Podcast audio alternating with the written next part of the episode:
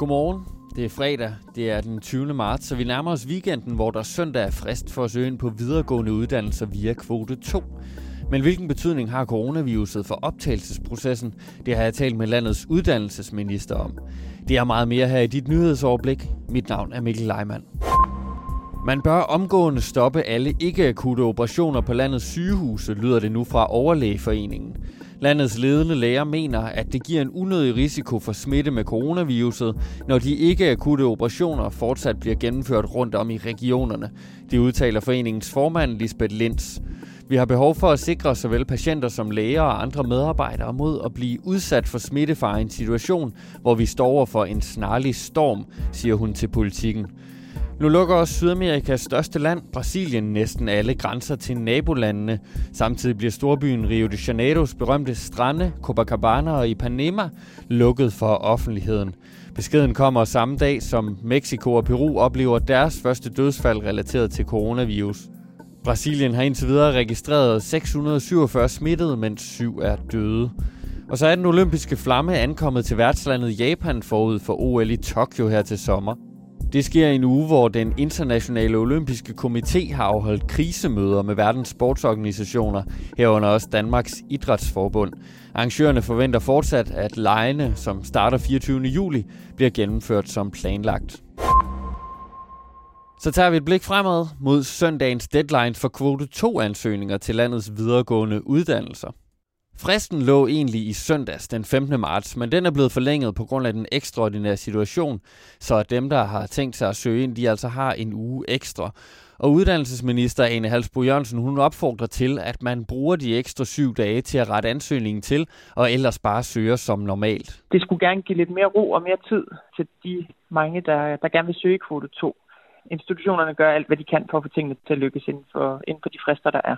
Omkring 50.000 søger hvert år ind på landets videregående uddannelser via kvote 2. Og en del af uddannelserne, de stiller jo altså en række krav til, at man for eksempel har haft et udlandsophold eller har haft studierelevant arbejde.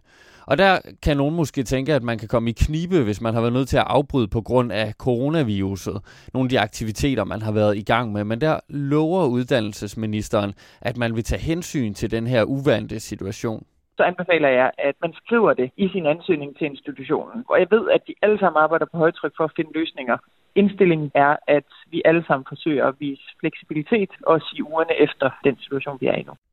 Hvordan man i praksis vil løse de udfordringer, der er med at give ansøgerne en ensartet behandling, uanset om deres optakt har været påvirket af corona, det vil ministeren ikke komme nærmere ind på. Men hun understreger, at der bliver arbejdet hårdt på at finde alternative løsninger, så ansøgerne får en færre behandling. Eksempelvis ved jeg, at øh, nogle af de uddannelsesinstitutioner, der ellers har krav om, at man skal møde op som led i vurdering af kvote 2, de er allerede ved at omlægge deres kvote 2-kriterier. Og så er et andet spørgsmål, der gælder dem, som søger ind via kvote 1.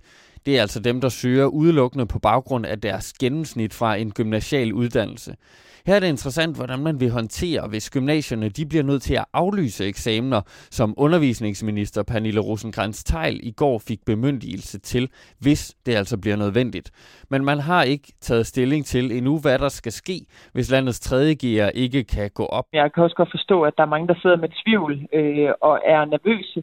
Det er for tidligt at sige, øh, om vi ender i den situation, men, men vi forbereder os selvfølgelig, så der er færre mulige, der kommer i klemme. I de seneste dage der har den danske regering delt økonomiske hjælpepakker ud i et, skal vi sige, hastigt tempo. Med regeringens seneste tiltag i går, der kommer den samlede støtte op i omegnen af 65 milliarder danske kroner indtil videre. Og så er det nærliggende at spørge, hvor længe det må kan være ved. Især med tanke på, hvordan hver krone normalt bliver vendt under de årlige finanslovsforhandlinger.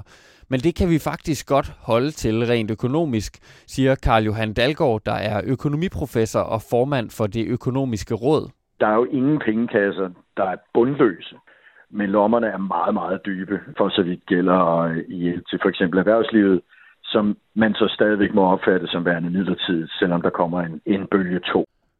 Den relative ro, som professoren øh, udviser, den skyldes altså dels, at udgifterne forventes at være midlertidige, og dels, at staten kan hente pengene ved at sælge statsobligationer. I dag der deltager finansminister Nikolaj Vammen i et møde med EU's øvrige finansminister, hvor de skal diskutere tiltag mod krisen. I første omgang, der vurderer Karl Johan Dalgaard fra det økonomiske råd dog, at regeringen skal forvente at finde de penge, som er nødvendige for at hjælpe det danske samfund nationalt. Men det vil ændre sig på den længere bane, forklarer han. Når det så handler om genopretning, altså det vil sige, når vi forestiller os, at vi ikke længere går med ansigtsmasker, så er vi over i noget, der handler om mere konventionel, skal vi sige, finanspolitik. Så begynder det at være rigtig vigtigt, at det ikke er alene er Danmark.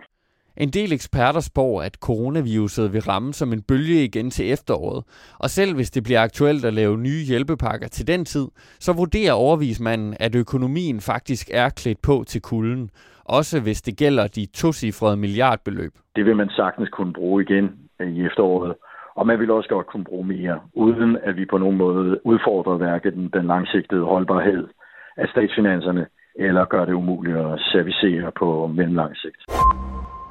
Og her til sidst vil jeg egentlig gerne fortælle om noget af det, der sker i weekenden, men da det meste er aflyst eller udskudt, kan jeg anbefale at hente inspiration i weekendens mærkedage.